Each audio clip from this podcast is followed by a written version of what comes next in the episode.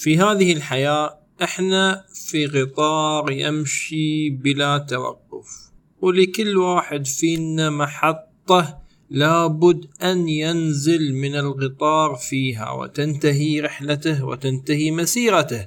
الحياة مستمرة ولكن توقفنا في إحدى هذه المحطات أمر لا بد منه.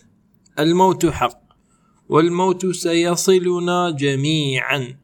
فهل نحن مستعدون؟ وما الأثر الذي تركناه؟ ونحن في هذه الحياة.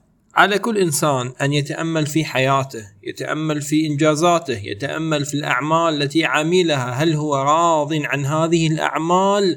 أو يحتاج إلى المزيد من العمل لتحسين هذه الأعمال وعمل المزيد وترك الأثر الحسن قبل أن يتوقف القطار وتنزل عن محطتك. استعد فالمحطة القادمة لن تعرف بها حتى تصل إليها ولن تعرفها إلا في حينها. فاستعد لذلك اليوم واستعد لذلك الوقت.